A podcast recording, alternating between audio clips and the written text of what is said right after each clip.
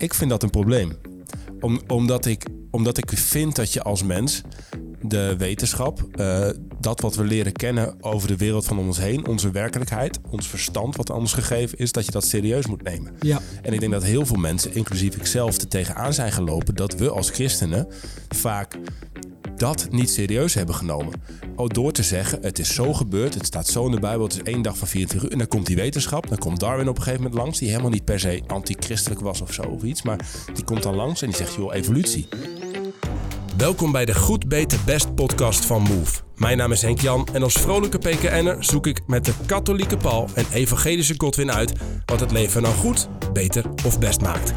Iedere week gaan we met elkaar in gesprek en behandelen we de onderwerpen die er echt toe doen. Wonderen uit de Bijbel. Wat geloven we wel en wat juist niet? En hoe letterlijk neem je de Bijbel? Tabitha van Krimpen, jonge theoloog des Vaderlands, praat hier vandaag over door met ons. Ze deelt over haar geloofsreis met alle moeilijke kritische vragen die er op haar pad kwamen. Hoe lees je de Bijbel nou goed? Hoe ga je om met de clash tussen wetenschap en geloof? En mag of moet je de Bijbel überhaupt letterlijk lezen? Let's find out. Uh, juist, juist, juist, juist, juist. Mooie mensen. Ehm, waar beginnen we? We gaan het hebben over wonderen met elkaar vandaag. Uh, en uh, wat is nou echt gebeurd aan de Bijbel? Hoe lees je dat nou? Wat doet het met je geloof als je nou wel of niet in wonderen gelooft? Zijn jullie, ik ben opgegroeid met het, het volgende liedje. Ik ga hem even snel opzoeken op, uh, op YouTube. Wij, wij houden hier van liedjes Tabita mm -hmm. van Krimpen. Je bent aangeschoven, hartstikke fijn. Jonge theoloog ja. des Vaderlands. En algeheel leuk mens. Uh, we kennen elkaar een beetje. Um, en uh, Jona, Jona, voel, voel je hem dan. Ik wil niet. Jona, ja. kijk, Jona en Ellie Rickert. Rickert. Ja. ja, misschien moet, misschien. Oh, we hebben weer even een reclame. Even zien. Nu kan je. Uh, ja, uh, pum, daar komt. We gaan, we gaan even deze, deze, deze moet je kennen, toch? Wij zongen dit altijd met het hele gezin zo na de maaltijd, al in plaats van danken. Zei God tegen Jona. En er moest iemand Jona zijn. Komt ie. Jona, ga naar Nineveh. Ik wil niet. Maar Maar Jona die zei nee. Ik wil niet naar die gekke stad. Goed. Die kunnen me wat. Nou, classic. Ellie en Rickert, dank voor dit prachtige lied. Uh, jij, jij kent hem ook wel toch, Paul? Ik heb een, va- een vage herinnering. Ik heb wel Ellie Rickert op school gehad, ja. Maar zo echt protestants hoor. Ja? ja, ik ging naar school met Ja. de Bijbel als kind. Oké. Dus Ja. Ja, geweldig. Jona die, eh, die niet naar Nineveh wil, dan in een walvis uitkomt. Het mooiste stukje uit het liedje is dat hij dan eh, eh, uitgekost wordt op het strand. Op het strand uitgekost en dan deden we dat. Nou, dat. Ehm, Jona- Beeldend van je. Ja, heel beeld. Ja, nee, dus mocht iemand nog eh, dat. Ehm, maar we gaan het dus eh, onder meer... Zullen we eens een rondje doen, hè? Want ehm, we, gaan dus, we gaan straks even serieus praten over wonderen en over Bijbel, et cetera. Maar een beetje flauw misschien, maar laten we toch eens even een rondje wonderen doen. Waaronder Jona. Echt gebeurd of niet echt gebeurd? Zo simpel als dat. Eh, de schepping in, in, in zeven, eh, zes dagen eigenlijk dan. En een dag rust. Godwin. Echt gebeurd of niet echt gebeurd? 100% echt gebeurd. Oké, Tabita. Denk het niet. Nee. Denk het ook niet. ik denk het ook niet. Oké. Nou, spannend. 1, 1, 3. Zoiets. Plagen in Egypte, Paul. Kikkers, die... eh, wat was het Nou, allemaal? laat- ik, ik, ik denk dat dat wel zo had kunnen lopen, ja. Zo ongeveer. Ja, misschien niet in alle details, maar in het algemeen jawel. Ja. Ja, ben ik, het, ben ik het mee eens. Ja, ik ook, neig ook meer naar ja. Ja, ik ook. Staf na slang, oppakken, weer staf. Kikkers, muggen, zwaar. De ene, een- ja, alles. De tien plagen, water dat bloed werd en alles, alles. Echt gebeurd.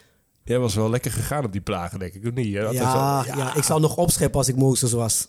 Ja? Echt, ja, ik zou, zou het echt... eh, ik zou krokodillen sturen, denk ik gewoon. gewoon in plaats van alleen, eh, alleen, alleen muggen.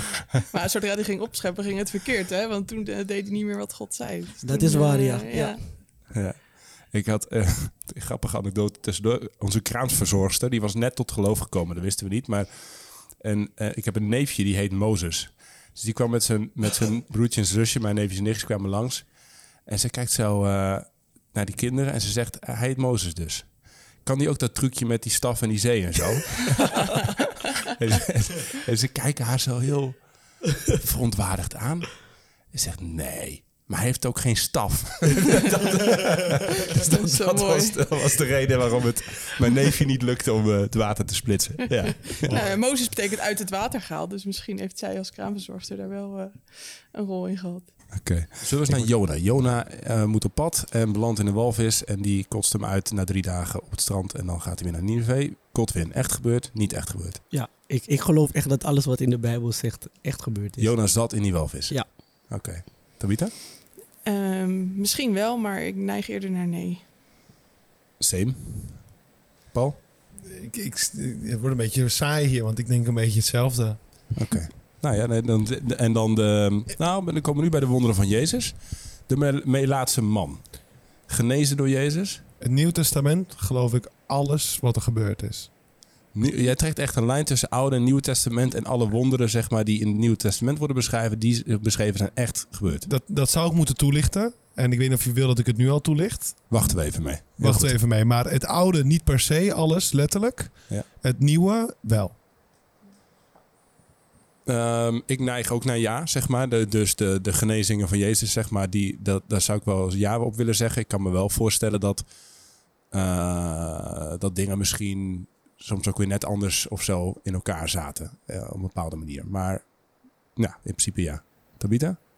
Denk ik ook. Ja. Waar bijvoorbeeld wel, als het gaat over handelingen 2, wordt heel vaak als de ideale gemeente, de eerste christenen die allemaal mooie dingen deden en voor elkaar zorgden. Denk wel, ja, misschien is dit ook een beetje geïdealiseerd en eh, ja, soms een tandje minder of zo. Oké. Godwin? Terug op mijn eerste antwoord. Ja, Ja, allemaal gebeurd. alles. Eh, opstanding, hemelvaart, de, de, nou, de, de crux ongeveer. Godwin? Ja, en dat Jezus, Jezus. zelf liet zien en gaat in zijn hand. Uh, hoe heet die? eh, ehm, twijfel. Thomas. Thomas. Ja. Ehm, ja, ik denk dat Jezus echt gewoon zo verscheen aan hun. Oké. Tabita? Ja, denk ik ook. Ik ook. Ik ook. Oké. nou, eh, staat allemaal genoteerd. De administratie is afgerond. Ehm, Check. eh, er zit dus een verschil tussen, eh, nou, eigenlijk, eigenlijk Godwin. Jij gelooft alles wat in de Bijbel staat dat dat zo letterlijk is gebeurd. Ja. En tussen hoe wij dat misschien, eh, wij drieën dat dan beleven. Er zijn ook mensen die denk ik zeggen dat alles gewoon, of wonderen niet echt gebeuren. En dat het, dat het allemaal symbolisch is. Ja. Ehm, Mag ik nog eentje? Die, ja. eh, Elijah, die voor bij de paarden rende. Eh, Elia? Elia, ja. Maar moet je... Oh, de, de, de vuur dat hij naar de hemel ging nee, met de nee, paarden. dat- ja, die ook. Maar nee, nee. Zijn, op een gegeven moment was hij in een kamer met zijn dienstknecht. En hij zei tegen de dienstknecht, "Kijk- kijk naar buiten. De dienstknecht keek naar buiten. Hij zei, ik zie nog niets, want het had niet geregend. Het moest gaan regenen. Toen zag je op een gegeven moment een, een wolk dat zo, gro- zo groot was als een vuist. Toen zei hij tegen zijn dienstknecht, ga snel naar de koning en zeg dat hij terug moet gaan. Anders wordt hij overspoeld door, het, door de regen. En de Bijbel zegt dat hij op een gegeven moment voorbij de paarden rende. En oh, hij rende harder dan die paarden. dan de paarden en kwam voor, op, eerder dan de koning terug in de stad waar hij moest zijn. Nou, misschien- Waarom dit specifieke eh, voorbeeld voor Om, jou? omdat het bijna onmogelijk lijkt. En dat is ook met heel veel van die wonderen. Maar waarvan ik echt oprecht geloof dat het gewoon echt gebeurd is. En dan kijk ik naar bijvoorbeeld tekenfilms op films. Kijk naar Flash. Weet je, die super snel is. Dan denk ik van ja, mensen hebben dat niet zomaar bedacht ergens. Dus iemand heeft misschien ooit in de Bijbel zoiets gelezen.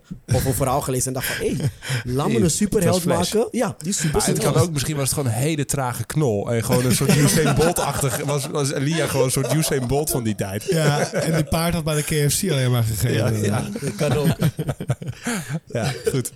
Eh, ehm, nou, laten we ook eens een serieus noot proberen. Ehm, ja, we kunnen het hebben met elkaar dus even van... van eh, hoe letterlijk neem je dus de, de Bijbel, hebben we eigenlijk wel gehad. We hebben jou uitgenodigd, Tabita, ehm, omdat we denk ik allemaal wel in het leven een soort van reis aangaan met die Bijbel. En met ook hoe Ja. je dat leest en met wonderen, et cetera. Jij bent jonge theoloog des vaderlands, veel bezig. Je hebt ook je eigen reis in het geloof meegemaakt. Hoe geloofde jij vroeger als kind en hoe geloof je nu? En kun je eens iets delen van jouw reis in feite? Ja. ja, zeker. Ja, ik ben opgegroeid in, eh, in Woudenberg, een dorpje op de Bijbelbelt, waarin dat geloof eigenlijk heel vanzelfsprekend was. Een protestants gezin, twee keer per zondag naar de kerk. Ehm, die Bijbelverhalen, ja, die zijn helemaal vergroeid ook met, met mijn wordingsgeschiedenis. En eh, ja, was toch wel ja, vanzelfsprekend dat die waar gebeurd waren. En van kaf tot kaft eigenlijk toch ook wel. Eh, maar naarmate ik opgroeide, kreeg ik ook wel meer, meer twijfels. Dacht, kwam ik in aanraking met andere mensen die andere dingen geloofden. Dacht ik, oké, is dit van wat ik vanuit huis heb meegekregen echt het hele verhaal? En wat, wat vind ik daar eigenlijk zelf van? Neem ik dat over of niet? Ehm, en kwam ik er ook achter dat daar binnen de kerk, binnen mijn kerk, weinig eh, ruimte voor was om echt die vragen en nou, om dat soort discussies over Jona en wat zit er nou precies achter en echt die diepere laag op te zoeken, daar, ja, dat, dat werd toch ingewikkeld gevonden. En werd ook gevonden van, oeh, dan kom je aan mijn geloof ook. Dus wat dat betreft is dit ook een heel spannend eh, thema. Als je het hebt over is iets waar gebeurd, ehm, dan ja, waar gebeurd is dan ook, is het waar of niet voor heel veel mensen. Ehm, dus als je zegt, oeh, misschien is het toch niet helemaal zo. Wat ik ook heb meegemaakt later, toen ik theologie ging studeren en eh, tegelijkertijd bij een reformatorische studentenvereniging aangesloten was. Dat ik zei, nou, kunnen we hier ook eh, bij Jona, kunnen we dat ook anders lezen? Als, een- als een eh, verhaal, als eh, ja, gewoon naar de, naar de boodschap of de komedie misschien die het is. Ehm, dat mensen zoiets hadden, oeh, nu kom je aan mijn geloof. Dit is een hellend vlak, hier moet je niet aan beginnen, want wat hou je straks nog over? Ja. En dat was dan wel een beetje de, de tendens. Daar wil Ja. ik zo nog wel meer over weten over de ruimte in je kerk en in je, in je, in je, in je studentenvereniging, et cetera. En wat dat dan met je deed. Mhm. Maar nog even, waar, waar begon bij jou de, nou, de vragen, de twijfel? Wanneer dacht je van, ja, ik kan hier, dit, dit vind ik lastig. Ja, dat is een goede vraag. Ik weet niet precies waar dat dan ontstaat. Het is, ik ben denk ik al snel in een groep een soort toeschouwer of iemand die analyseert en kijkt wat gebeurt hier nou. Ik zat liever bij de, bij de juffrouw in de pauze dan bij de kinderen aan het spelen. En toch aan het kijken van, hé, hey, wat doen die kinderen anders dan, dan ik misschien of zo? En eh, wat vind ik daar eigenlijk van? Hoe verhoud ik me daartoe? Ja, altijd wel een soort zoekend. Vanaf mijn achtste weet ik wel bewust dat ik met geloof ook heel erg bezig was en daarover aan het twijfelen was. Ehm, en ja, e- bij mezelf eerst dacht van, oeh, ik ben een probleem, want ik geloof het blijkbaar niet zo. Zoals mijn omgeving dat lijkt te geloven. Dus toen proefde je al iets van, eh, iedereen neemt dit helemaal aan voor waar. En eigenlijk, ja, en, weet je nog het bijbelverhaal wat dan het meest eh, vragen opriep? Of? Ja, toch een beetje de klassieke, ook wel de schepping en zo. Maar ik weet ook wel, we gingen vaak ook naar, naar, naar van die dagen, de Open Doorsdag bijvoorbeeld wel als gezin. Of eh, naar conferenties van Hardcry, waar je dan mensen ook hun bekeringsverhalen vertelden. En ik stond daar wel ja, met open mond eh, naar te luisteren van, oh, die mensen hebben God zo ervaren in hun leven. Krijg ik dat ook? Hoe krijg ik dat dan? Eh, maakte wel hele diepe indruk op mij, ja. Ja, ja het, zijn, het zijn wel zijn fascinerende verhalen natuurlijk. En, en eh, ja, ook hele heftige verhalen. Enorm God die en dan en, en je eigen leventje, je gewone Woudenbergse leventje, hoe verhoudt zich dat daar dan mee? Ja. Hey, en, en toen op een gegeven moment, want jij zit er zo in elkaar, je bent kritisch, je bent slim, je, je ging die vragen stellen. Je Ja. komt dan in die situatie dat je weinig ruimte ervaart. Hoe, wat deed dat met je? ja, vond ik ook wel heel erg lastig. Omdat ik het idee had dat andere mensen dat niet zo serieus namen of als aanval ervaarden. Terwijl dat van, voor mij juist een hele oprechte poging was om dat geloof te, te doorleven en daar serieus iets, iets mee te doen. En me ook eigen te, ja, om het me eigen te kunnen maken, kon ik die vragen niet uit de weg gaan of zo. Dat drong zich op een bepaalde manier ook aan me op. Ja, dus want als je, dat, als je het uit de weg was gegaan, dan was dat wat eh, hypocriet geweest. Had je daar niet mee kunnen leven? Was je helemaal afgehaakt? Wat, wat? Ja, ik denk Ja. wel dat ik dan was afge, afgehaakt op een gegeven moment. Was, Ja. het, was het ergens ook niet de kracht voor je? Dat je zoiets had van, nou, als mensen me juist meer wegstoten en ik geen vragen mag stellen, dan ga ik echt onderzoeken wat de waarheid is. ja, wel een soort drijfveer daarin. Ik denk, ja, als dat christelijk geloof waar is en als, ja, als dat zulke zeggingskracht heeft, dan kan dat ook wel tegen mijn onderzoekende houding of zo. Ja, en als ja. het daar niet tegen kan, dan is het dus blijkbaar niet zo, eh, zo belangrijk of zo waar Ja. als ik had gedacht. Ja, had ik, had, heb, heb ik ook wel meegemaakt hoor. Van joh, het, het moet zichzelf kunnen be- bewijzen, zeg maar, in ieder geval Ja. ook in je eigen leven. Anders dan, dan maar niet. Ja, dat, je moet daar toch persoonlijk mee eh, verhouden, zeg maar. Ja, en daarin ook een bepaalde bereidheid om het te, ver- ja, om te verliezen en Ja. echt kritisch te, te kunnen doordenken en eh, weer kunnen hervinden misschien. Ik heb het zelfs op een gegeven moment ook wel zo ver door dat ik dacht van, nou is het op een gegeven moment wel, wel tot geloof gekomen of zo, hoe je dat moet zeggen. Maar dat ik dacht van, ja, als je daar dan over gaat delen met mensen en je hoopt dat mensen daar iets van oppikken en, het, en overtuigd raken van de waarheid van het christelijk geloof, dan, dan moet je dat zo gelijkwaardig doen dat je eigenlijk zelf ook in zo'n gesprek alles op het spel zet. Dus Ja. dat je zegt, eh, ik, eh, eh, als, je, als je toch zelf ook... Je moet bereid zijn om zelf ook overtuigd te worden van het tegendeel. Zeg maar, omdat je dat, als je dat van een ander verwacht, dan moet je, moet, moet, moet je dit ook, wat zo belangrijk voor is, in de waagschaal kunnen stellen. En het is ergens ook vertrouwen op God. Maar goed, misschien een beetje een zijspoor. Ja. Ehm, wat, wat, ehm, waarom denk je, ik bedoel, je bent nu eh, misschien wat verder, je loopt er misschien nog steeds wel eens tegenaan, maar wat denk je dat die mensen die dat in jouw kerk, misschien je catechisatie-leider of, of eh, later je studentenvereniging, wat denk je dat hun weer hield om dat gesprek open aan te gaan? Ja, zo, ik denk een soort angst of zo. Dat een, krampachtigheid waardoor ze denkt, dit, ja, dit gaat voor mij te ver. Ik weet niet goed waar ik uitkom. Ik ben blij met, met het geloof wat ik nu heb. Ehm, nou, wat in mijn ogen soms een beetje naïef is. Maar ehm, ja, het geloof van de zekerheden. En als ik ben dan iemand die daar eh, doorheen eh, waait en eh, dat op zijn kop zet. En dan is dat spannend. En niet iedereen zit daarop te wachten om daarop te bevraagd te worden. En je bent het wel gaan doen, eh, theologie gaan studeren, ook Ja. eh, in Nijmegen. Ook, ook niet de meest reformatorische plek, zeg maar, om dat dan te doen. Klopt. Wel die vragen gaan stellen. Wat, wat ontdekte je? ja, dat was zeker die eerste maanden of het eerste jaar wel, was dat ook wel een hele overgang. Omdat ik daar zoveel, ja, ik kreeg heel veel bronnen aangereikt. Je duikt echt in 2000 jaar geschiedenis van het christendom. En ik vond het echt eh, geweldig. Ik vond het fantastisch. Ik ontdekte de diversiteit van, van het christendom al vanaf het begin eigenlijk. Hoe, breed dat was. Hoe, ja, hoe mensen verschillende dingen benadrukten in de, in de boodschap en in het leven van Jezus. Ehm, ik eh, kreeg een college over, over Genesis 1, waarbij het ging over in het begin kan misschien, misschien ook in een begin zijn. Dat de aarde al langer bestond en, en God op een bepaald moment in de tijd, of ja, hoe zit dat dan met tijd, zei van nou, ik ga die, die aarde bewoonbaar maken. Ik ga eh, het, het, het vormgeven, scheppen. Ehm, en dat gaf mij zoveel meer vrijheid of ruimte om, ja, om, om nieuwe dingen te ontdekken buiten misschien het, eh, het gebaande pad of, of het bestaande kader. Maar die wel veel meer rijker zijn. Ehm, ja, daar, daar ben ik tot op de dag van vandaag nog heel erg blij en eh, dankbaar voor. Want het verrijkt ook jouw leven, jouw geloofsleven, je relatie met God? Of hoe zie je dat? Ja, het heeft het echt eh, veel, veel kleuriger gemaakt of zo. Voor mij veel, veel, veel breder. Ehm, in Nijmegen vond ik ook wel echt de, de vrijheid die ik op dat moment nodig had. Om dus zonder, ja, zonder terughoudendheid die, met die vragen aan de slag te gaan. En kreeg daar ook vanuit docenten en de juiste dingen voor aangereikt om dat te doen. Ehm, ja, dat, dat, dat was wel heel erg bepalend geweest. Al, al is dat ja, daar ook wel die crisis misschien voor nodig geweest. Eh Godwin, jij, jij altijd opgegroeid met het idee van die Bijbel is letterlijk waar van kaf tot kaf? Ja, dat is denk ik door me, echt door mijn oma aan ons eh, zo geleerd. Ehm, en dat maakte voor mij ook altijd, bracht het een honger en een nieuwsgierigheid als God het toen kon doen. eh, zoals een zee splitsen of als God, eh, Jezus die liep over water.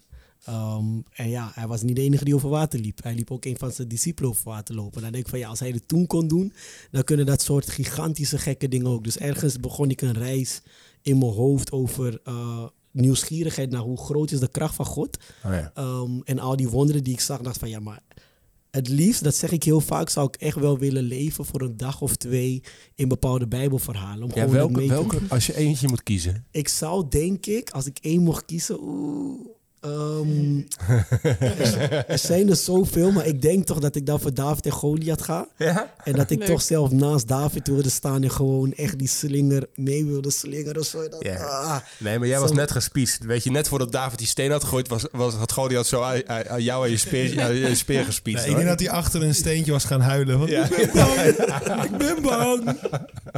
ja, ik- maar ik had het in ieder geval dan wel meegemaakt. Nee, Ik zal het super vet lijken. Ehm, maar ja, dat, dat is waar ik dan God dan weer in zoek. Van God, u bent zo gigantisch groot. Dan moet alles wat in de Bijbel staat, u bent bij machten dat te doen. Dus ik neem het ook echt heel letterlijk wat in de Bijbel staat en wat er allemaal gebeurt. Ook bijvoorbeeld dat, dat eh, was het, hoe heet die ook alweer? Ehm, dat Abraham zijn neefje Lot gaat halen. En op een gegeven moment rent, rent hij met zijn vrouw weg. Zijn vrouw kijkt achterom, ze wordt een zoutpilaar. Dat soort gekke dingen. Denk van, ja nou, take me back man. Ja. Neem me gewoon terug. Ik wil, ik wil die dingen zien gebeuren. Was wel- die is wel dat ik denk, ja, die is ook wel... eh, Wel Sto- heftig. ja, dat je, ja, dat je even iemand in een zoutpilaar ziet veranderen. Maar, maar goed, eh, ja, maar ik vind het wel mooi wat je zegt. Daar heb ik nog niet eens zo heel erg over nagedacht. Die wonderen zijn voor jou echt een teken van Gods grootheid. Van Ja. hoe, die, hoe machtig die is, hoe die kan ingrijpen, hoe betrokken die is. Ja, en, en daarom ben ik denk ik ook heel... En soms denken mensen dat het heel naïef is. Ehm, maar ik geloof ook alles. In de zin van ik geloof alles wat God zegt dat hij kan doen en wat de Bijbel zegt dat God kan doen. Dus niks is in mijn ogen te klein, te zwaar, te groot voor God. Dat wil niet zeggen dat God alles gaat doen wat ik vraag. Dat wil ook niet zeggen dat als ik misschien een keer doodziek ben en ik zeg God, die kan me genezen, dat hij me gaat genezen. Dat, dat wil het niet zeggen. Maar ik geloof wel dat hij het kan. Ik geloof dat hij in staat is. Ik geloof dat hij in staat is mensen uit de dood op te wekken. Ik, ik geloof dat de kracht van God dat kan doen. Ehm, dus daar, zo geloof ik ook in mijn dagelijks leven. Dat God is zo groot en bij macht de dingen te doen wat mijn verstand erboven gaat. Dus soms wil ik bepaalde dingen ook gewoon niet kunnen begrijpen. Ehm, en ik zou later in, in, in de podcast nog wel iets heel geks vertellen wat me gisteren is overkomen, wat hier ook mee te maken heeft. Maar ja, ik geloof alles wat de Bijbel zegt. Oké, nou, vertel het nu maar wat mij betreft. Ik ben nou wel benieuwd. Dus gisteren had ik een gesprek. Ehm, ik, heb een, ik heb een hele lange tijd ben ik al bezig met de fondswervende partij voor mijn stichting. Ehm, om containerwoningen te kopen en die achter in de tuin van een van mijn gezinshuizen te zetten in Amsterdam. Zodat we 18 plus kunnen aanbieden voor eh, de jongeren die 18 worden in het gezinshuis.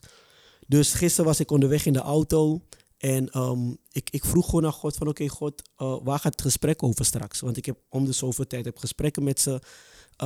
En toen, wacht, ga jullie gewoon even laten horen.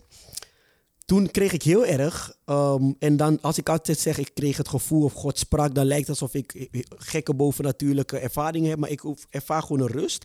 En de rust wat ik ervaarde was zo rustgevend dat ik wist van dit is God. En dit is letterlijk wat, ehm, wat ik tien minuten voor het gesprek ervaarde waar het gesprek over ging.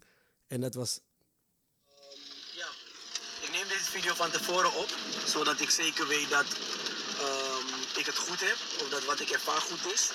Eh, het is nu 14 uur 20.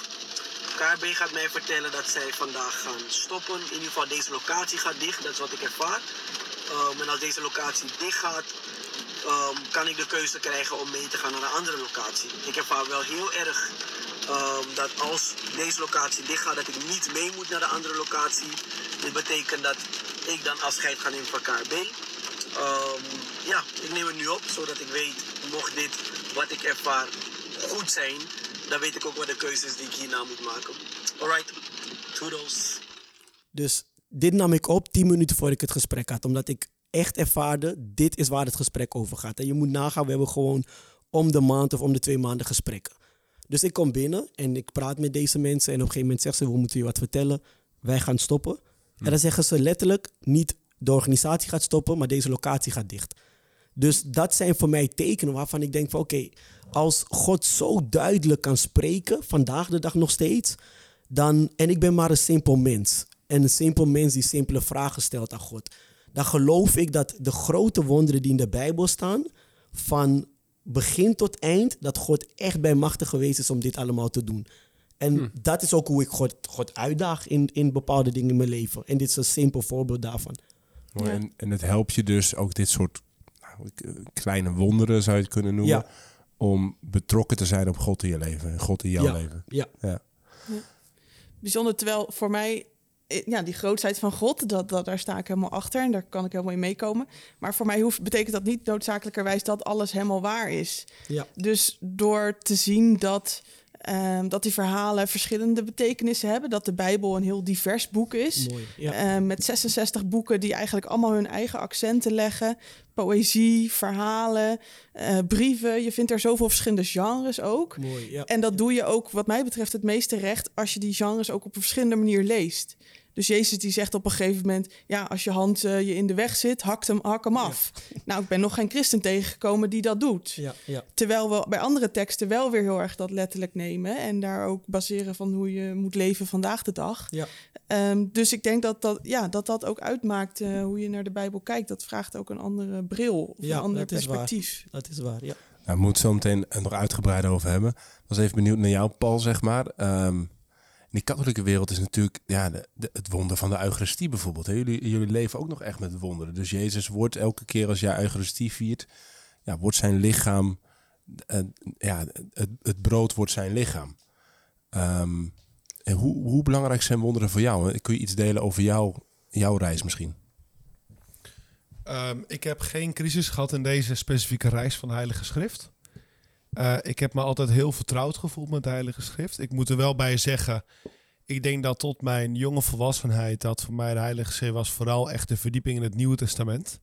Het leven van Jezus. Eh, de brieven van Paulus, die hoorde ik tijdens de Eucharistie, maar die vond ik wel behoorlijk saai. Dus het was vooral, denk ik, vooral de vier evangeliën en de handelingen van de apostelen. Daar was ik vooral echt bekend mee tot mijn achttiende ongeveer. Daarna zijn natuurlijk ook gewoon de brief van Paulus. eh, en daarna ben ik ook het Oude Testament ook wat gestructureerder gaan, gaan, eh, gaan lezen. Als het wel zo mijn kindertijd ook bijvoorbeeld al vanuit me, de gereformeerde school waar ik ging als kind, dat de verhalen uit het Oude Testament ook zeker wel bekend waren hoor. Maar niet dat ik echt aan het lezen was uit, uit het Oude Testament. Kijk, wat ik, wat ik interessant vind, en dat is ook echt hoe ik het ervaar, is, ehm, en ik ben ook benieuwd, eh hierna, Tabitha, misschien kan je ook even, ehm, even, even zeggen wat, hoe jij dit Mhm. bekijkt. Vaak wordt er een onderscheid gemaakt tussen of een verhaal waar of niet waar is. Ehm, als we het hebben over waarheid, en ik denk dat het ook komt gewoon door de afgelopen eeuw in de westerse beschaving, dan hebben we het heel veel over een bepaalde historische wetenschappelijke waarheid. Maar waarheid kan meerdere vormen aannemen. En wat ik daarmee bedoel is dat je kan een profetische waarheid hebben. Je kan een symbolische of metaforische waarheid. Je kan, hier komt een heel duur woord, Godwin, eschatologische waarheid. Dat er, Eschatologisch. eschatologisch refereert aan het einde der tijden. Dus een apocalyptus, dus een waarheid, dat is iets profetisch einde der tijden. Je kan historische waarheden hebben. En, en maar, ehm, geef eens een voorbeeld. Wat is een historische waarheid? Wat is nou? Oké, nou bijvoorbeeld in mijn geval, ehm, zo, ehm, eh, wat is even een goed voorbeeld? Nou, bijvoorbeeld Noach. Hè, we hebben het toch altijd over. eh, eh, nou, meer, sorry, sorry, Jona. Ja, Jona. Is een heel duidelijk voorbeeld. Jona, hè, die is gekomen om een bepaald volk in de naam van God te verlossen. Ja. Jona is bang, et cetera. Nou, wat gebeurt er uiteindelijk? Hij is drie dagen in de buik van een vis. Nou, ten eerste de etymologie van het woord vis ook hè, in de oude christenheid. Maar ten tweede het feit dat Oorsprong hij, van het woord vis. het Ja. oorsprong Ja. van het woord vis. Plus natuurlijk dat hij drie dagen dood was om daarna te verrijzen en het volk hè, te gaan bekeren. Dat is een duidelijke profetische waarheid uit het Oude Testament. Die trouwens ook de eerste christenen gebruikten, ook Paulus, om de Joden van die tijd aan te geven. Zie je wel, de profetieën komen in vervulling. Jesaja is natuurlijk een heel duidelijk voorbeeld van profetieën in vervulling komen. Mozes die met zijn armen zo staat, hè? En als zijn armen, dan verslaat het volk van de, Paul, de Paul Joden. heeft zijn arm even wijd. Oh, sorry, ja. Hè, wijd, hè, in de vorm van een kruis. Eh, het, het, eh, het offer van Isaac. Hè? Eh, dat is duidelijk dat Abraham bereid was zijn eigen zoon te laten sterven. Ja. Omdat God het van hem vroeg. Nou, dit zijn... En op het moment dat voor mij de, de fundamentele boodschap van het verhaal duidelijk overkomt van dit is wat God ermee bedoelt, dan is in veel gevallen eigenlijk voor mij al minder relevant of het echt gebeurd is of niet gebeurd Ja, is. ja. Nou, volgens mij kan ik naar huis, want eh Paul Ja. zegt het al. Wat wel zo is, is in het geval van het Nieuwe Testament, is natuurlijk wat fundamenteel is in mijn, en ik zeg mijn, en dat is ook hoe ik het in de katholieke kerk heb ervaren, is dat Christus mens is geworden en de geschiedenis binnen is getreden. Ja. Mhm. En daarom dat ook in het Nieuwe Testament heb je symbolische en profetische waarheden. Maar voor mij is de historische waarheid in het Nieuw Testament veel relevanter, omdat het veel meer gekoppeld gaat met het feit dat Jezus echt mens was van vlees, dat hij echt dood is gegaan en echt verrezen is geworden. Dus daar krijgt die historische dimensie voor mij veel meer. Ja, dus daarom zei je net in het begin van het gesprek voor joh, die, eh, die, die verhalen in het Oude Testament, of ze historisch gezien dus echt zo gebeurd zijn, of Jona echt drie dagen in die, in die walvis heeft gezeten, maakt voor jou wat minder uit, omdat het dus ja, eigenlijk een, een profetie iets laat zien van wie God is en wat hij nog gaat doen, zeg maar. En eh, voor je, in, alles wat in de tijd van Jezus gebeurt, of in het Nieuwe Testament, is belangrijker voor jou dat het waar gebeurd is, omdat dat ja, eigenlijk slaat op van hey, heeft Jezus nou echt zo geleefd en gewandeld en gedaan, zeg maar. En zeker zijn dood en opstanding is dan heel cruciaal natuurlijk voor hoe wij Ja. naar, naar geloof kijken. Dan zeg ik Ja. er wel bij, dat betekent niet dat ik elke historische eh, historiciteit van het Oude Testament, dat ik dat betwijfel. Ja. Want er is ook gewoon archeologisch onderzoek dat laat zien dat zoiets als Jericho heeft bestaan en dat het een forse stad was. Ja. Er zijn ook eh, geologisch onderzoek gedaan over een grote waterramp in die regio een aantal duizenden jaren geleden. Dus dat er iets was van een natuurramp in de tijd van, van Noach. Of bijvoorbeeld dat, dat David heeft bestaan als koning van Israël. En dat Saul daarvoor een koning was en daarvoor rechters waren. Nou, dat zijn dingen waar ik niet aan twijfel. Hè? Dus dat zeg ik er wel bij. Maar, eh, of dat er, dat, we, dat er een eerste vrouw is waar we al vandaan komen. Wat trouwens ook evolutionair biolo eh, dus vanuit de biologie en evolutie zelfs, door, door veel wetenschappers zelfs wordt geondersteund, dat argument. Hè? Dus dat we van Zo. één vrouw allemaal vandaan komen. Oké. Dus Zullen we, dat zullen we eens zijn even in, want dan, dan, dan ga je gelijk even naar, naar het begin. Het begin van de Bijbel. Genesis 1 en 2. En twee scheppingsverhalen. Ehm Tabita, jij, eh, misschien goed om daar gewoon even als een soort van... Er is altijd heel veel om te doen geweest. Is die aarde nou gewoon in zes dagen geschapen, zeg maar? Ja. Of niet? Tabita, jij hebt daar onderzoek naar gedaan. Ja, mijn eh bachelorscriptie in eh, Nijmegen heb ik gedaan over dat thema. En dan specifiek hoe Augustinus eh, Genesis 1 en 2 Augustinus las. is ja, de, de, godvader grote van het christendom kerk, ongeveer. Zowel ja. voor protestanten als voor katholieken heel erg belangrijk. Ja. En dat was, ja, met dat onderzoek was ik bezig in een tijd dat die discussie ook heel erg speelde. Ehm, dat er ook studiedagen over werd georganiseerd van stel evolutie is waar, kan dat dan samengaan met schepping? Moeilijk, moeilijk. Ehm, waar dat bijvoorbeeld in Nijmegen helemaal niet zo'n discussie was onder mijn medestudenten of onder katholieke studenten, was niemand daar echt eh, als, als, als essentieel thema mee Het is bezig. altijd een beetje makkelijk geweest, die katholieken. Ja, we bagatelliseren heel veel. Hè? Dus dat was ook wel weer relativerend op een bepaalde manier. Ja. Maar ik ging dus kijken van hoe, ja, hoe leest iemand zoals Augustinus dat nou eh, in de vierde eeuw? En oh, hij onderscheidt die verschillende lagen waar jij het ook net over had, Paul. Dus je kan inderdaad dat symbolische eh, eruit halen en, en het allegorische, dus wat meer naar het verhaal kijken. Of wat meer de, ja, het, het historische zelf, die 24 uur en zes dagen en hoe dat dan gegaan zou zijn. Maar voor Augustinus sprak dat elkaar niet tegen. Hij kon dat naast elkaar laten bestaan eigenlijk. En dat was voor mij wel een nieuw, eh, nieuw perspectief. Maar geloofde hij bijvoorbeeld dus wel dat dat... Want je kunt dat natuurlijk ook, ook symbolisch lezen. Hè? Er zit van alles in. Maar geloofde hij bijvoorbeeld dus echt dat dat de, historisch gezien ook zo gebeurd was? Dus op dag, eh, dag 1, wat is het ook alweer? eh, Mhm. het, het, het, het, het, het licht en zo? Nee, dat is niet Het dag ligt 1. niet eh, de, de hemel en de aarde, toch? ja, scheiden Ja, van... eh, scheiden. Ja, Moeten we even... Ja, dat durf ik niet zo eh, direct te zeggen. Oké. nee. En, en eh, maakt het voor jou eigenlijk uit? Op dat moment ja, vond ik dat wel echt een belangrijk thema.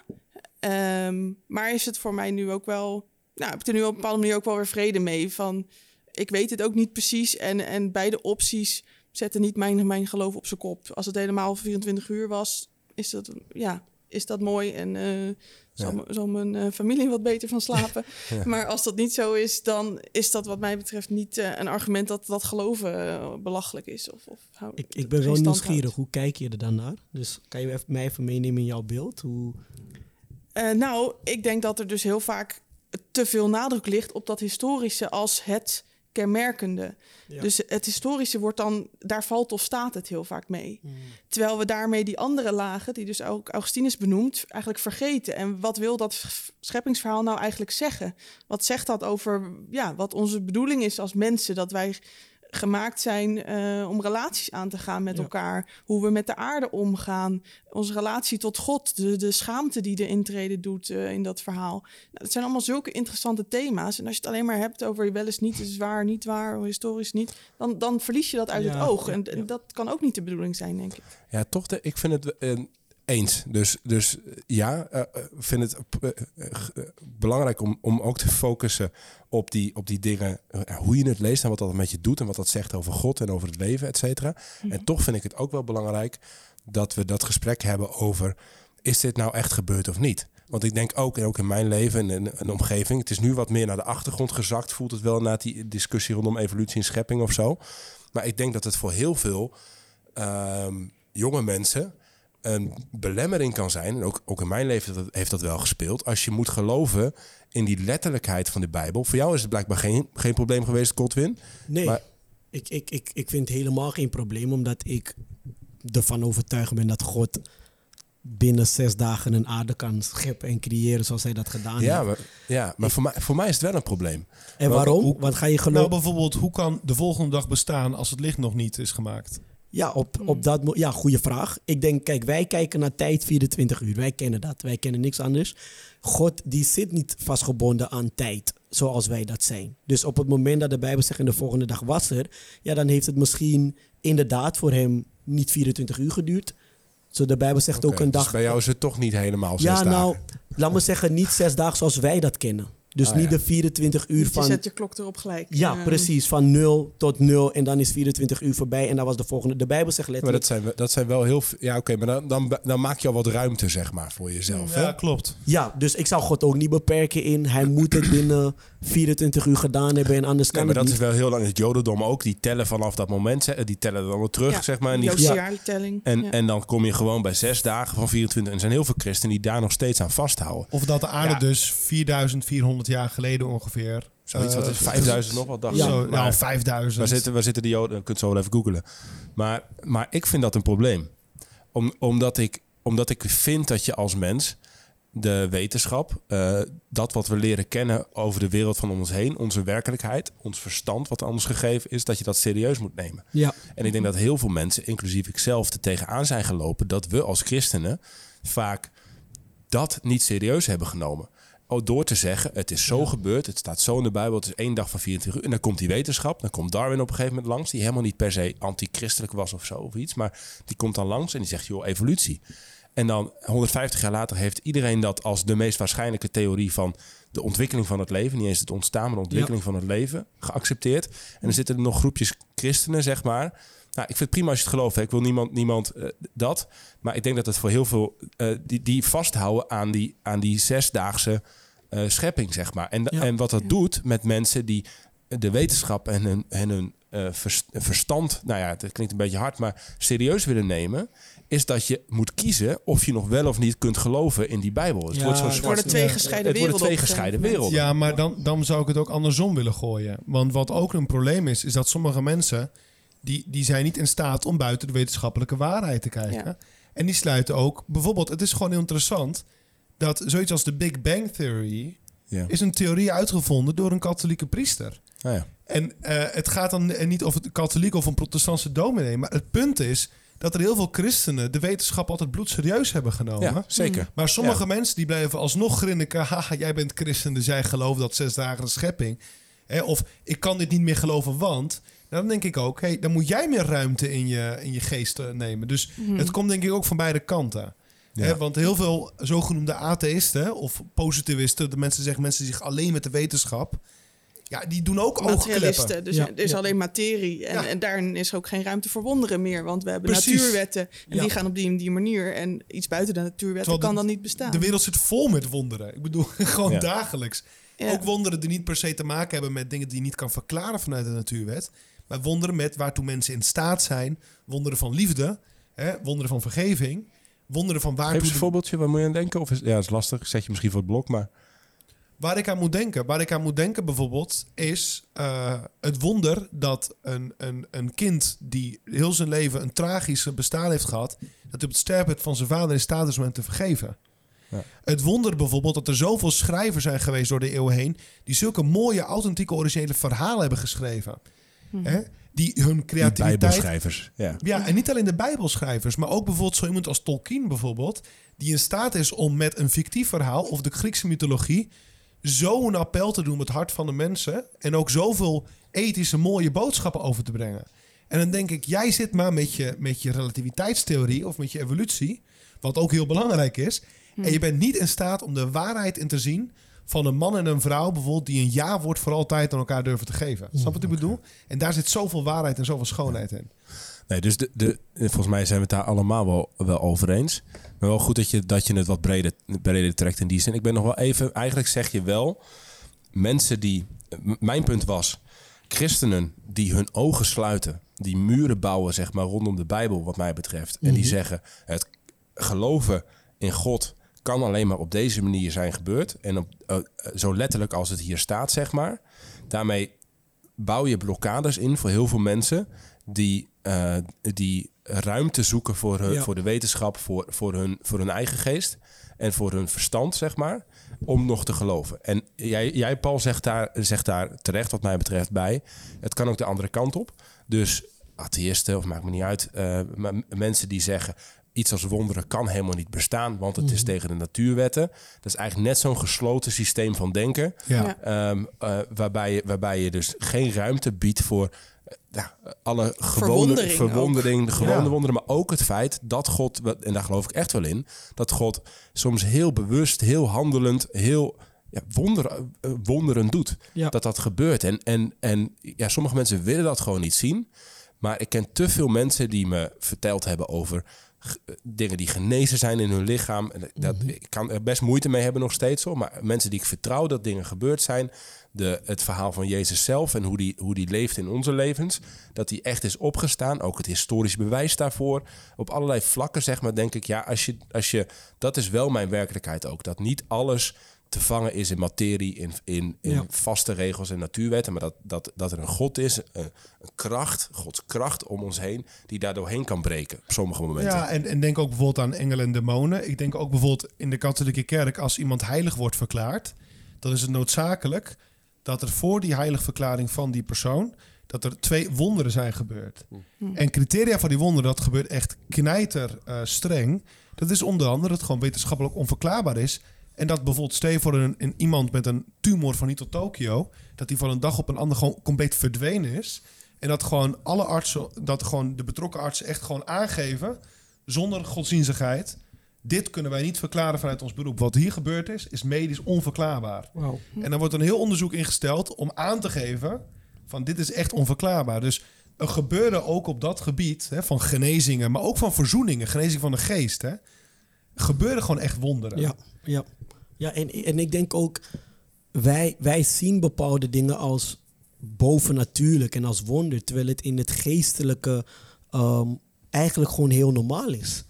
Wij, ik denk dat wij zo'n kleine, on- ons besef van God is denk ik zo minimaal, al denken wij dat wij heel veel over God weten en God kennen. Het is zo minimaal dat wij versteld zullen staan als wij God ooit echt zullen zien. Dat we denken van wow, bent u echt zo groot en kan u dit, dit echt, alles wat wij gedacht hebben. Daarom soms, ik zeg ook, heb ik vaker denk ik gezegd, ik ben soms wel jaloers op mensen die al gestorven zijn. Omdat ik het gevoel heb dat hun de echte waarheid al gezien hebben. Of dat misschien nu al zien en wij dat nog nooit Nou, gezien als ze in hebben. de hemel zijn, dan zijn ze bij de, de ultieme Ja, bestemming. en Dus- dat is zo een, een, een... Ja, gek dat ik zeg ik ben jaloers erop. Maar ik, zou, ik kan niet wachten om dat moment mee te maken. Maar tegelijkertijd wil ik dat moment nu ook niet. Want ik wil gewoon blijven leven. Dus ik zit in zo'n dubbel ding soms. Van oké, kan ik niet voor één... Bijvoorbeeld, ik las laatste boek. Het eerste boek wat ik uit heb gelezen. Had ik de jongens een foto gestuurd. 23 minuten in hel. Dat is ook een boek wat gewoon over bovennatuurlijke um, um, ontmoeting met, met Jezus gaat. En diegene, Jezus neemt iemand mee, letterlijk de hel in. En dat beschrijft die persoon. Ja, dat zijn dingen als ik het lees dat ik denk van oké, God, dit wil ik ook meemaken. Ik wil gewoon dat bovennatuurlijke wil ik meemaken. Want ik geloof dat wij veel te klein en te weinig weten van God. Maar ergens merk ik bij mezelf dat ik daar toch ook wel een beetje aarzel. Want ja, wat mij betreft kan je geloof ook weer niet ophangen aan alleen wonderen. Ja, Dus ehm, geloof, een christen die archeoloog is, die zegt dat ook. Van ja, ga nou niet je geloof ophangen aan of die Ark van Noach ooit historisch gevonden zal worden of niet. Want als die niet gevonden wordt, dan gaat je geloof eh, Ja. het prullenbak in. Ja. Ehm, dus ja, is, hoe stabiel is dat dan of zo? Ja, dat- dat- Ja. Waar moet je je geloof wel aan ophangen? In jouw mening? Ja, aan een soort het geloven met, met hart en verstand. Ehm, als een stabiel iets en, en ja, zeker weten dat dat God de, de drijvende kracht is uiteindelijk. Of, of het leven leidt, ehm, met of zonder wonderen. En ook zonder wonderen. ehm, ik moet denken aan zo'n voorbeeld van eh zangeres van Hillsong... waar toen eh, allemaal mensen voor gingen bidden dat haar dochtertje weer eh, levend zou worden. Wat niet gebeurt. Ik denk, ja, zoiets iets tragisch. En ik wil daar ook heel graag in geloven dat dat kan. En ik denk ook ergens dat dat kan.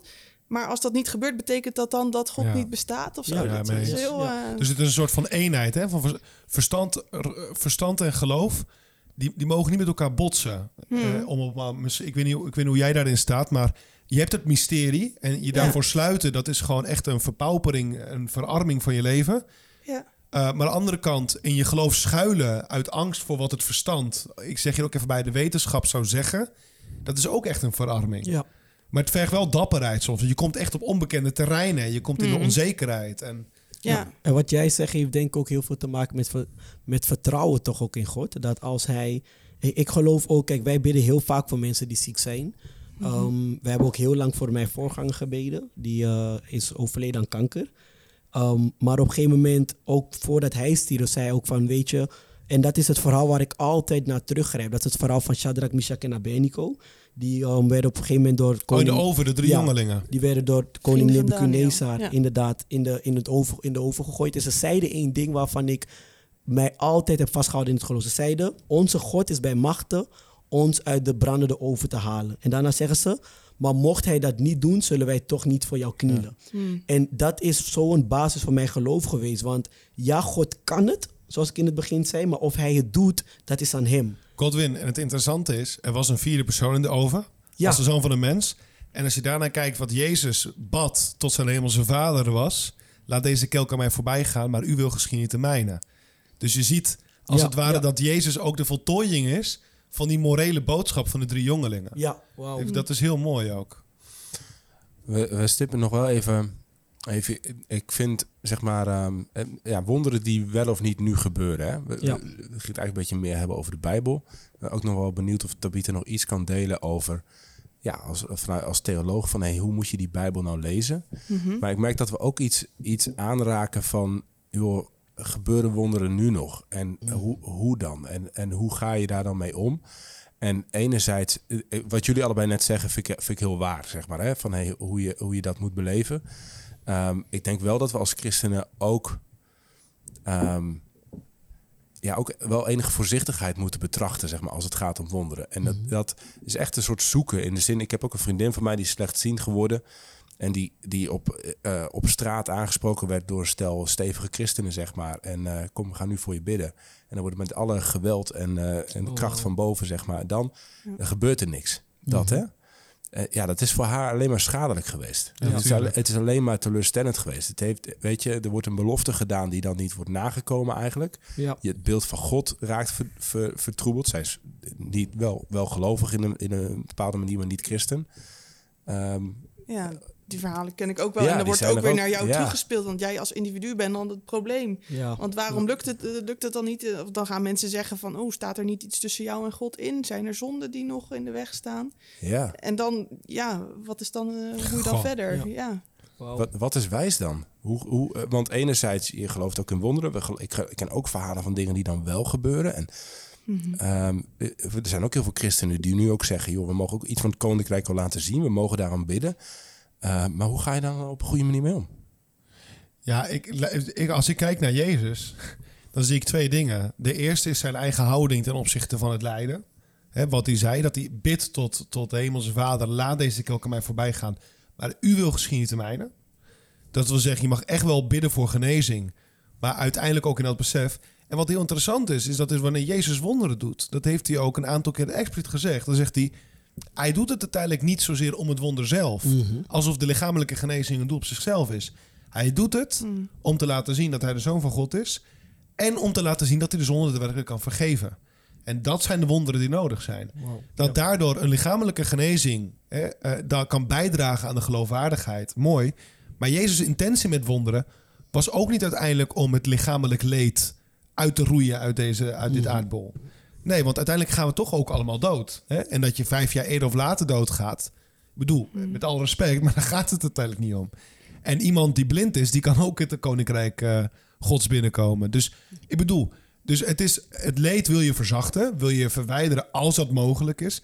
Maar puntje bij paaltje gaat het daar niet om. Ja. Ja. En dit zeg ik niet om het te bagatelliseren, hè? Nee, dat wil nee. ik even duidelijk maken. Ik moet ook denken aan de psalmen, waar dat ook echt uitgeroepen wordt naar God. Van Heer, wees mij nabij, ook in, in de donkerte, in, de, in de duisternis. En dan vaak s- sluit zo'n psalm dan weer af met, nou, u Heer bent mijn toevlucht of zo. En toch weer een sprankje hoop te midden Ja. van, eh, van de ellende. En ja, ik denk dat je, dat, dat, dat dat ook houvast kan bieden. Maar je hebt, dus, je hebt wel christenen die dit ook, ook soort van claimen, die wonderen. En zeggen van, joh, in de naam van God en we gaan het gewoon doen. We moeten meer Mhm. geloof hebben. Ja. Ook in de evangelische traditie is dat best wel. En in de katholieke traditie heb je natuurlijk ook bedevaartsoorden en, en wo- plekken van wonder en dat soort. Het kan best wel bevreemdend zijn als dat gebeurt voor mij hoor. Hoe, Ja. hoe, hoe kijk jij daarnaar, Godwin? Zeg maar dat.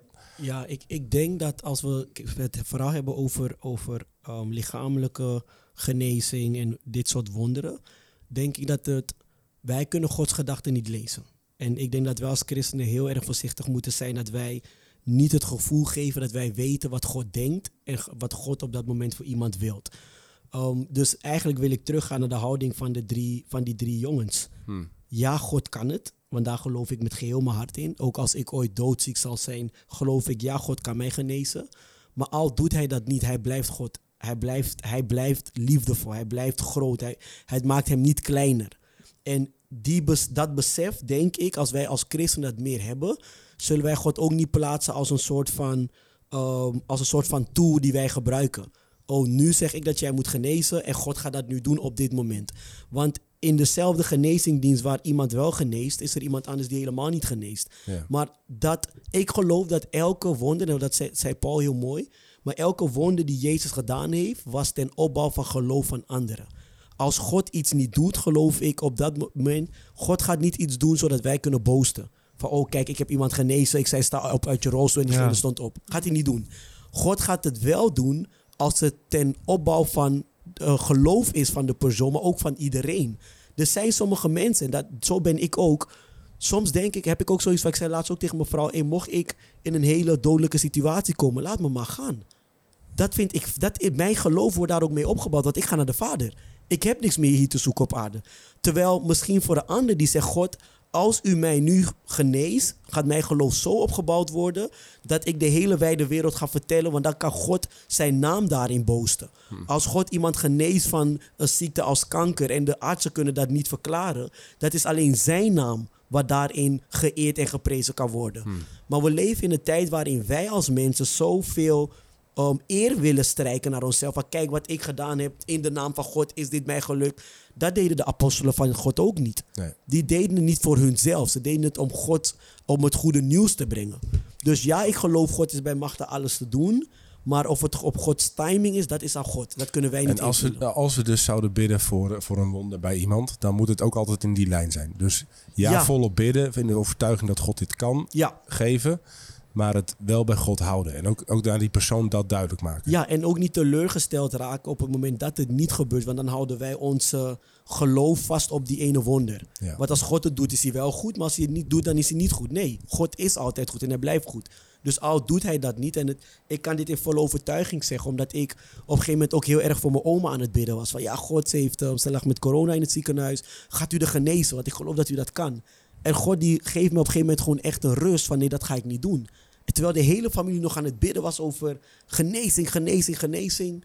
En ehm, twee dagen later zeg, spreekt God heel duidelijk tot mij: Oma is er niet meer. En het heeft daarnaast, vanaf dat punt, heeft het nog zeker een week geduurd voordat de artsen tegen ons zeiden: ze is gestorven. Maar ik, ik had die rust al. Dus ik was al gestopt met bidden voor genezing, omdat ik wist: God zijn wil in dit nu is dat oma gaat.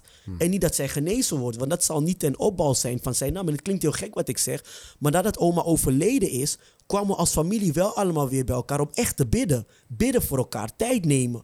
En dat heeft voor mij wel ervoor gezorgd dat ik kon zeggen: ja, ik begreep God achteraf. Weet je, nu oma weg is, is een plaats dat wij als familie, wat we heel lang niet hebben gedaan, samenkomen en echt God gaan loven en prijzen. Dus ja, we moeten bidden voor genezing. Ja, we moeten bidden voor um, herstel. Ja, we moeten bidden voor wonderen. Maar we moeten God ook God laten. En niet God spelen of denken dat wij weten hoe God denkt en wat hij allemaal wil. Preach man. Weet je wat wijsheid. Ja, Eén ding aan Tabitha. toevoegen. Ja. Nou, dat ik ook denk dat God ook werkt door techniek. En door Ja. de ontwikkeling juist ook van wetenschap en medische kennis door de geschiedenis Hmm. heen. Ehm, dus dat, soms wordt dat ook tegenover elkaar gesteld. Van wonderen geboren door God en, en de artsen. Maar Ja, ja, dus soms wordt in de kerk bij ons ook gebeden van... wilt u ook bij de artsen zijn en hun handen het Mooi. juiste laten doen. Heel en mooi. ja, daar geloof ik wel ook wel heel sterk in. Ja, mooi. En dat doet me ook denken aan... We hebben een podcast opgenomen hè, met, eh, met Paul Schendeling. En hoe hij dat ook zei van dat, dat God kijkt ook naar de medewerking van de mens.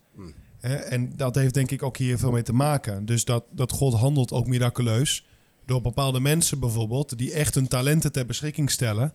van, van, van de wereld. En dat is, de- dat is denk ik ook iets heel moois. En als we het over wonderen hebben trouwens...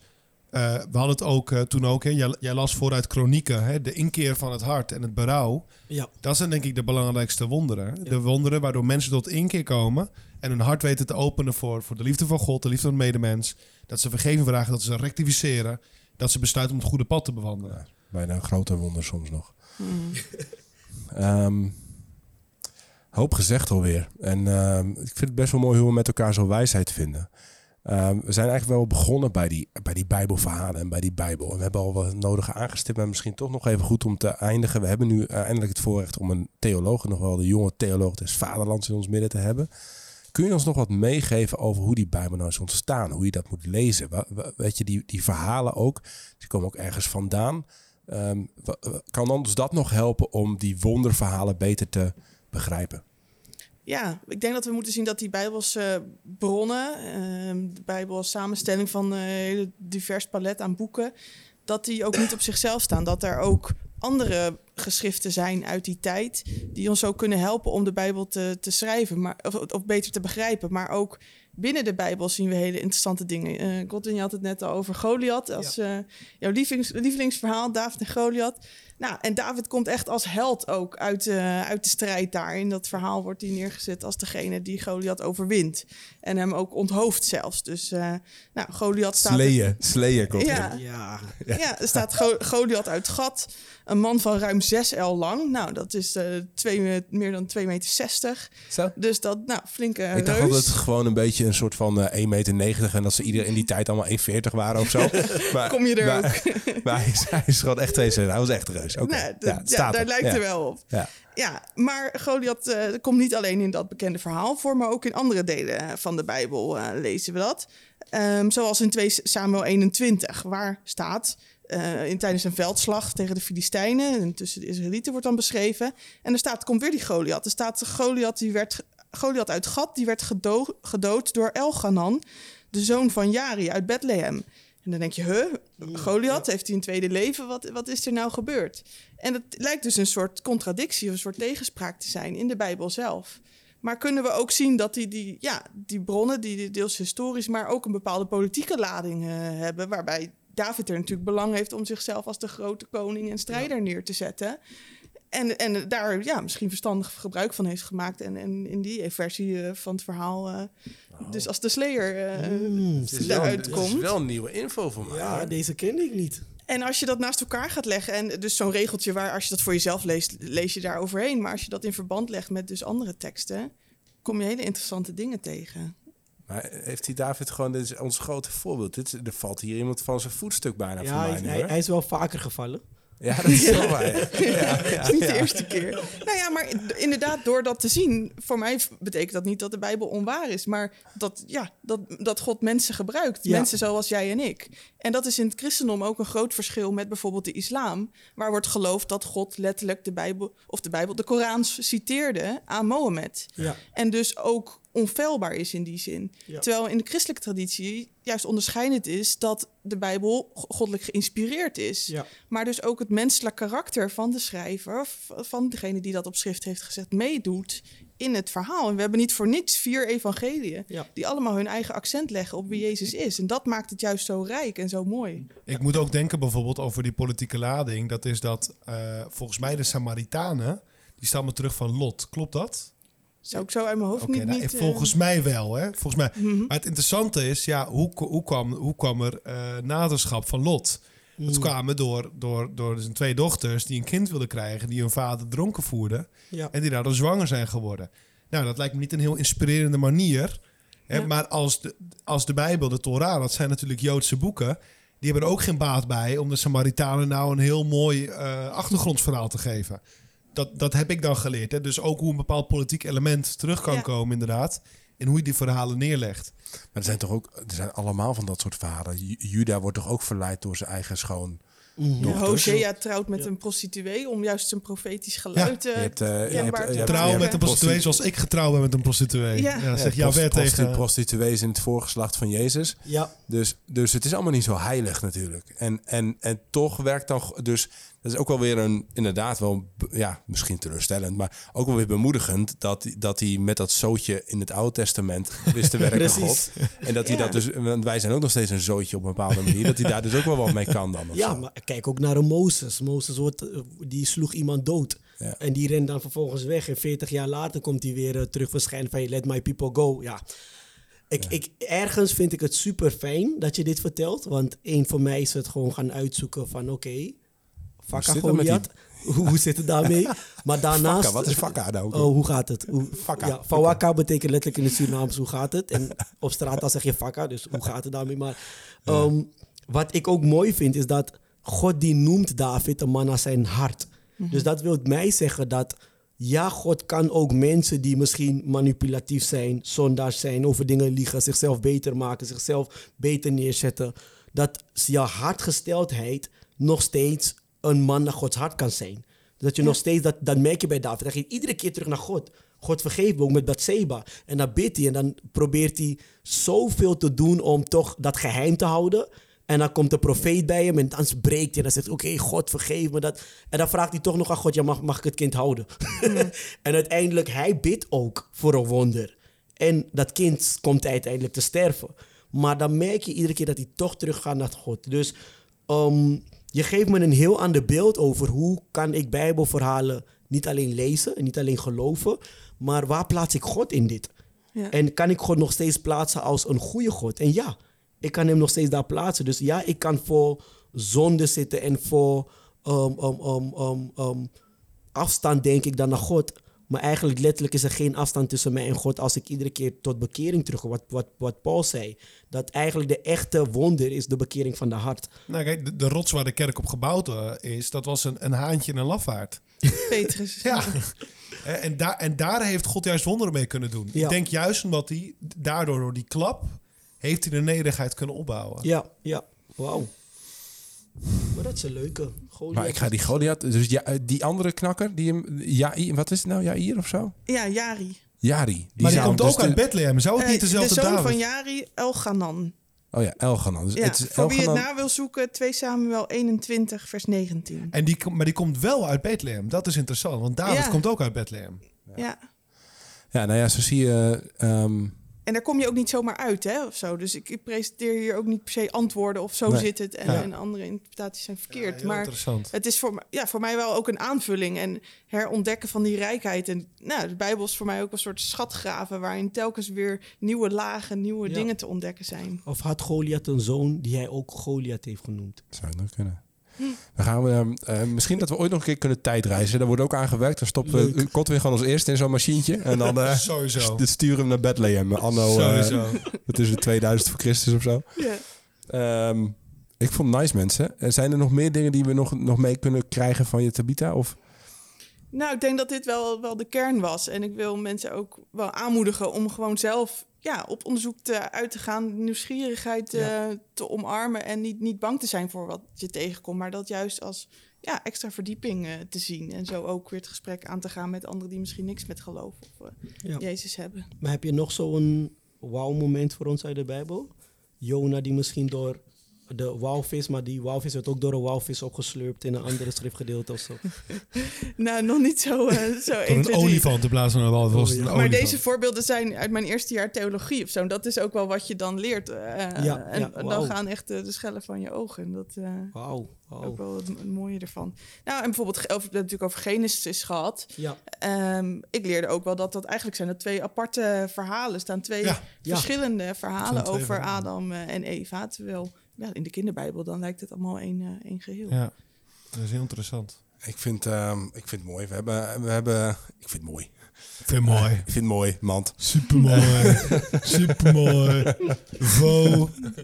Ik vond het gek dat je er was, eh, Tabita. En Ja, ehm, heel leuk.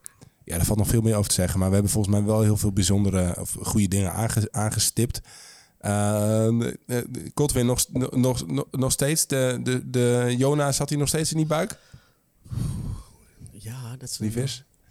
Staat Jona nog steeds in de buik? Heeft Eva een appel gegeten? Heeft... nou, ik, ik denk, het was geen appel. De Bijbel zegt gewoon vrucht. Voordat ik allemaal comments krijg hieronder. Het was geen appel, het was geen appel. Ja, ik zeg geen appel. Oké. Ehm, Scherp. maar ja, nog steeds. Jona heeft eh, drie dagen in de buik van de vis gezeten. Tot, ehm, hoe zegt ze dat ook altijd weer? Tot tegendeel bewezen is. Oké. Ehm, nou, ik vond het in ieder geval een waardevol gesprek. Eh, even, even samenvattend, hoe, hoe lees je nou de Bijbel? Hè? Is alles nou echt gebeurd? Nou, een paar belangrijke dingen die we met elkaar geconcludeerd hebben, is eh, waarheid is breder dan alleen wat is echt historisch gebeurd. Ja. Dus laat je inspireren door die, door die symboliek, door die verhalen, door wat het Oude Testament zegt over Jezus en al, dat soort zaken. We geloven dat God echt groot genoeg is om wonderen te verrichten. We zien dat eh, in ons leven nu. En we zien het ook in toen, ook in de opstanding van Jezus, et cetera. Daar mag je best aan vasthouden. Ehm, lijkt me vrij cruciaal. En, eh, en eh, tegelijkertijd eh, geef ook ruimte aan de wetenschap, aan je eigen geloof. Ga niet in te vaste systemen denken. Ja. Het geldt zowel voor mensen die in, in, in denken dat het allemaal niet gebeurd kan zijn, als dat alles helemaal letterlijk gebeurd kan zijn. Dat lijkt me niet wijs. Ehm, eh, ja, geef, geef daar ruimte voor met elkaar. En dan kunnen we ook in het nu blijven geloven dat het gebeurd is. Eh, of dat het, dat het waarheid is en dat het, dat het voor ons in ons leven spreekt. En we zijn eigenlijk geëindigd met Tabitha, die, ehm, die nog even iets meegaf van hey, die Bijbel is ook gewoon, er zitten allerlei ja, tegenstrijdigheden in met verschillende verhalen. Dus Mysteries. mysteries Ja. in, et cetera. Ehm, maar het, het gaat om de essentie dat God zich nou, verhoudt met mensen, ingrijpt, dat mensen, eh, mensen eh, er zelf wat van maken, dat hij met ons optrekt. En soms is hij dan even heel zichtbaar, heel tastbaar, ook in een wonder aanwezig. Ja, nice. Mag ik dan nog wel één vraag stellen aan Tabitha? Misschien weet zij, heeft zij wel antwoord hierop. Je hebt Adam en Eva. Mhm, Heb je Kain en Abel. mhm. Kain doodt zijn broer. Zeg ik het goed? Ja? Kain Ja. doodt zijn broer Abel. Vervolgens loopt Kain weg. God zet het teken op Kain. En de Bijbel zegt in een vers later... En hij ging met zijn vrouw. Ja. Ja. En hij mocht niet vermoord worden door andere door mensen. andere mensen. Waar, wie... Ja, dat is ingewikkeld. Er was, ehm, gisteren zag ik nog een soort Twitter-fitty over Tim Keller. Die gezegd zou hebben dat de, de zondvloed van Noach niet de hele wereld eh, omvatte, maar alleen Een de deel. bewoonde of de bekende Ja. wereld. Dat hoorde ik ook. Ehm, en misschien is dat, ja, geldt dat voor dit ook wel. Dat er al eh, misschien andere volken waren die niet bekend waren vanuit hun perspectief. Mm. Maar ja, en ook dat is weer zo'n mysterie waar je, wat je niet dicht kan timmeren, denk ik. Ja. Volgens mij was het Augustinus die dat verhaal vertelde, of die droom. Misschien weet jij dat beter, Tabitha, dat, dat hij een kind zag bij het strand. En die, die had een soort, eh, hoe zeg je het, een emmertje of iets dergelijks. En dan probeerde je daar water mee te vullen. En hij was bezig. En dat Augustinus vroeg aan het kind, waar ben je mee bezig? En hij, probeerde, en hij probeerde heel de zee in dat emmertje te krijgen. En dat hij toen inzag hè, van het gevaar dat je probeert om al de goddelijke wijsheid en het mysterie te vatten in jouw eigen koppie. Hè, in plaats van je gewoon voor open te staan te, te- en het te bewonderen. Wauw. Ja, dan zitten er hier ook nog een paar zeven aan tafel. Waar het helemaal eh, door het kopje heen zijpelt. Dus Mag ook. ja, goed. Eh, ik, eh, ik denk, ja, we, we proberen altijd weer te eindigen met een, met een, met een lied. In dit geval, we hebben het... Oh, Paul gaat hier... Ja, deze ging jij goed op, hè? Volgens mij heb ik dat onthouden, ja. Ik vind de muziek van deze film is Ik ga hem, ik, ik ga hem aanzetten. Even kijken of die... Prince of Egypt. Prince of Egypt. Heb je hem gezien? Ik heb... Nee, maar die andere wel. Ik ben naar die andere gaan kijken. Nou, Prince of Egypt, dat is een Disney film. Dat vind je... Nou, dit, is het ook, het is niet van Disney, hè? Nee, dit is van eh, iets anders, ja. Maar het is, Ik heb Disney Channel. het is fantastisch. Prince of, Egypt, Prince of Egypt met eh, Mariah Carey, Whitney Houston. Classic. eh classic Heel mooie tekenfilm. Jij bent ook wel, Leuk een, voor je jij bent wel een drama queen hoor, Paul. Met al je metal en dit soort dingen. Maar vraag even, Tabitha, vraag even... Henk, Jan, wat is je favoriete Disney film? Ik, ja, wat is je favoriete Disney film? Bellen met deze Tabitha. Wauw. Ja, ja, ja het, het dramatische, romantische wordt het niet. Gelaagd ook. Die wolven zijn ook het einde. Any- anyways, we gaan nog even, even luisteren naar Prince of Egypt. Geniet ervan. Dank voor het luisteren. Heb je nou vragen trouwens nog even over? Nou, eh, redactie at move.community. Ga naar onze website. Valt Albita lastig of een van ons. En dan, eh, wie weet, wie weet eh, vind je nog een wonder onderweg.